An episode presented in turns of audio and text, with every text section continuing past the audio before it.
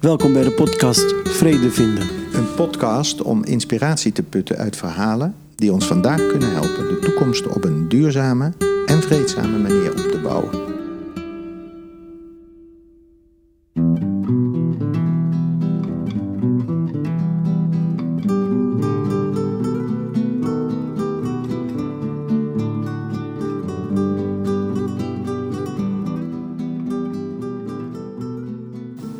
Hoi Aladdin. Hey, dag Mark, hoe gaat het met je? Goed, met jou ook hoop ik? Ja, ja het gaat goed. Het gaat goed. Ehm, kijk, on- onze podcast, eh, die Vrede Vinden, die, eh, we proberen onvrede aan te stippen, iets te benoemen, iets herkenbaars. En wat, we, wat we misschien wat de luisteraar natuurlijk ook herkent. En daarna te zoeken naar welke invalshoeken, welke vragen kunnen we stellen om die onvrede te, te plaatsen en te, en te zien. En dat we misschien vrede vinden. Niet door de onvrede helemaal weg te halen, het kan soms niet. Maar door er anders naar te kijken. Of door het een plaats te kunnen geven. En soms kunnen we het gewoon weghalen. Misschien. En heb jij iets om te benoemen? Ja, ik, ik wil iets benoemen. En dat is. Ik ben een aantal weken geleden ben ik. eh,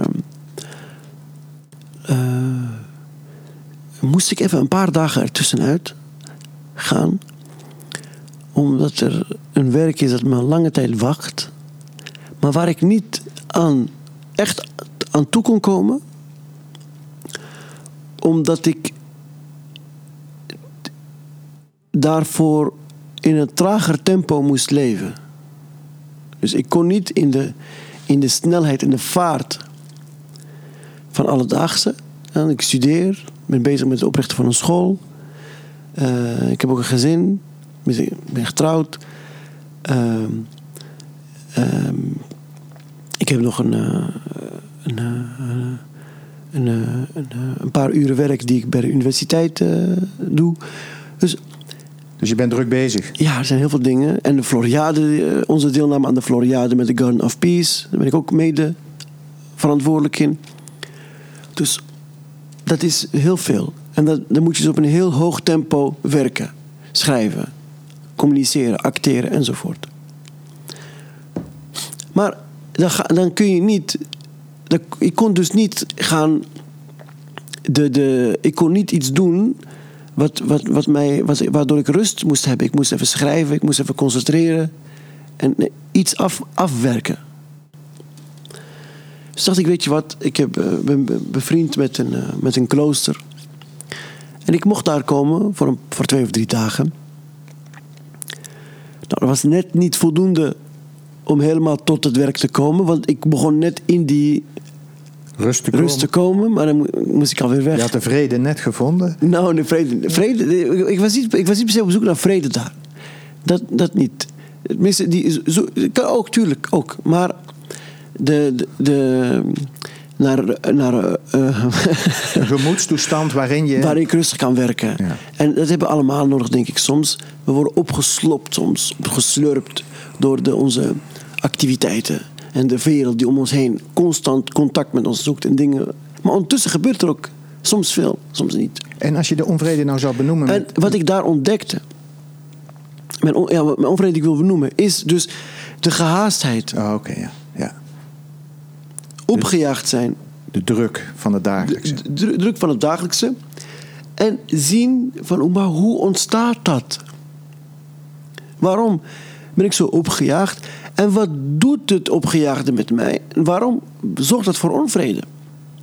Ik denk dat we daar vandaag bijna allemaal, in ieder geval onze luisteraars in de categorie hè, 18 jaar tot en met 60 ongeveer. Dat zijn mensen die, die, die veel drukte ervaren. Hoe, wat gebeurt er? Waarom is, voelen we ons in onvrede? Waarom? En ik, in die dagen kwam ik langzaam aan tot het besef. Ik dacht van ja, het haalt mijn belangrijkste vermogen die ik heb als mens, de allerbelangrijkste, mijn basisvermogen, is mijn aandachtsvermogen. Ja. Dat kwam terug. En die leidt door die opgejaagdheid het meest. Die, die, die Dat- gaat achteruit, die aandacht. Ja, of die wordt, raakt ondergesneeuwd. En, en dan krijgen we een soort van een automatische piloot van aandacht. Waardoor we snel, vlot, dingen snel kunnen zien, pap, pap, pap, en, eh, en beantwoorden. Maar er is een hele, veel meer te halen uit het alledaagse. Te zien, te vinden, te ontdekken. Te, te, te, te, te verrijken in ons leven. Alleen al door ons aandachtsvermogen. Zonder kennis, zonder boeken. Zonder eh, eh, weet ik veel wat. Puur en alleen je aandachtsvermogen is een bron van ontzettend veel. Rijkdom, geluk, verwondering, kennis, eh, rust, verbinding. En ik zat, ik, ik, Je zat in het klooster. ik zat in het klooster. En ik werd geconfronteerd met mijn deplorabele, lage concentratievermogen.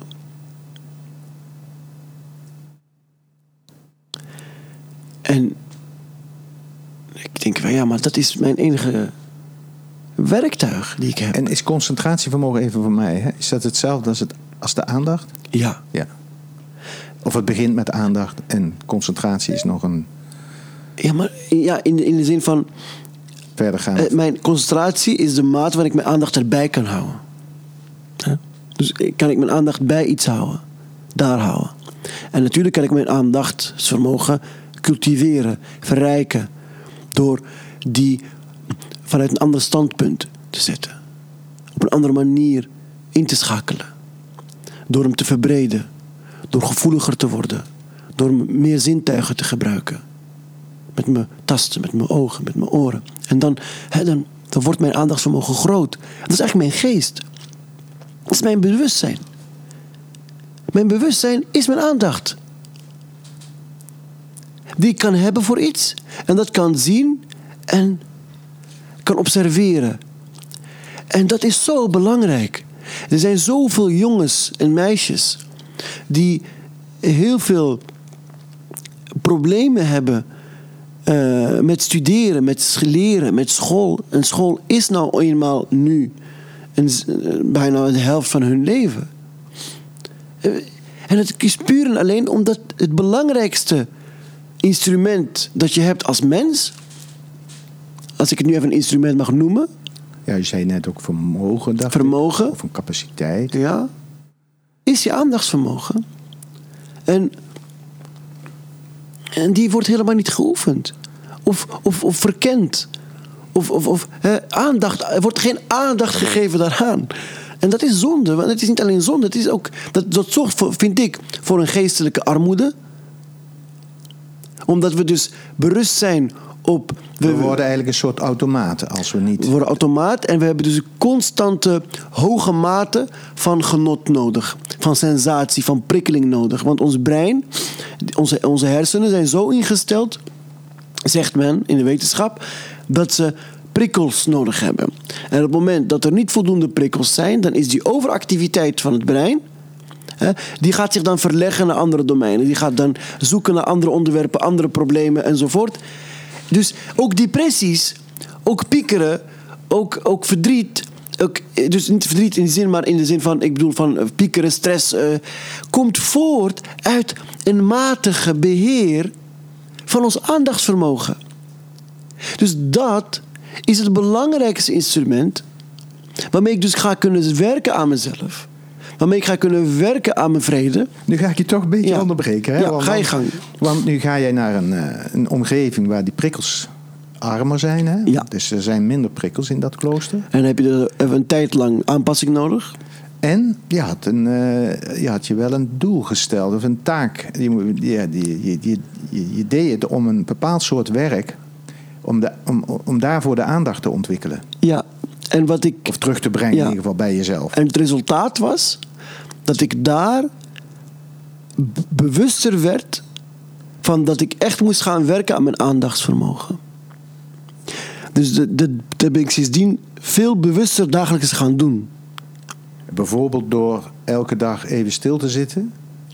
Dat niet, want bij mij is het niet een gebrek aan, aan, eh, aan een soort van meditatie. Of een, eh, er is geen, niet echt een gebrek daaraan in mijn leven. Hè?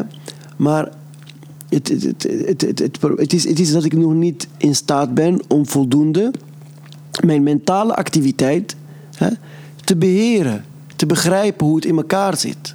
Dus je zegt eigenlijk permanent die aandacht op een kwalitatief andere, op een ja. hoger niveau eh, te krijgen. Ja.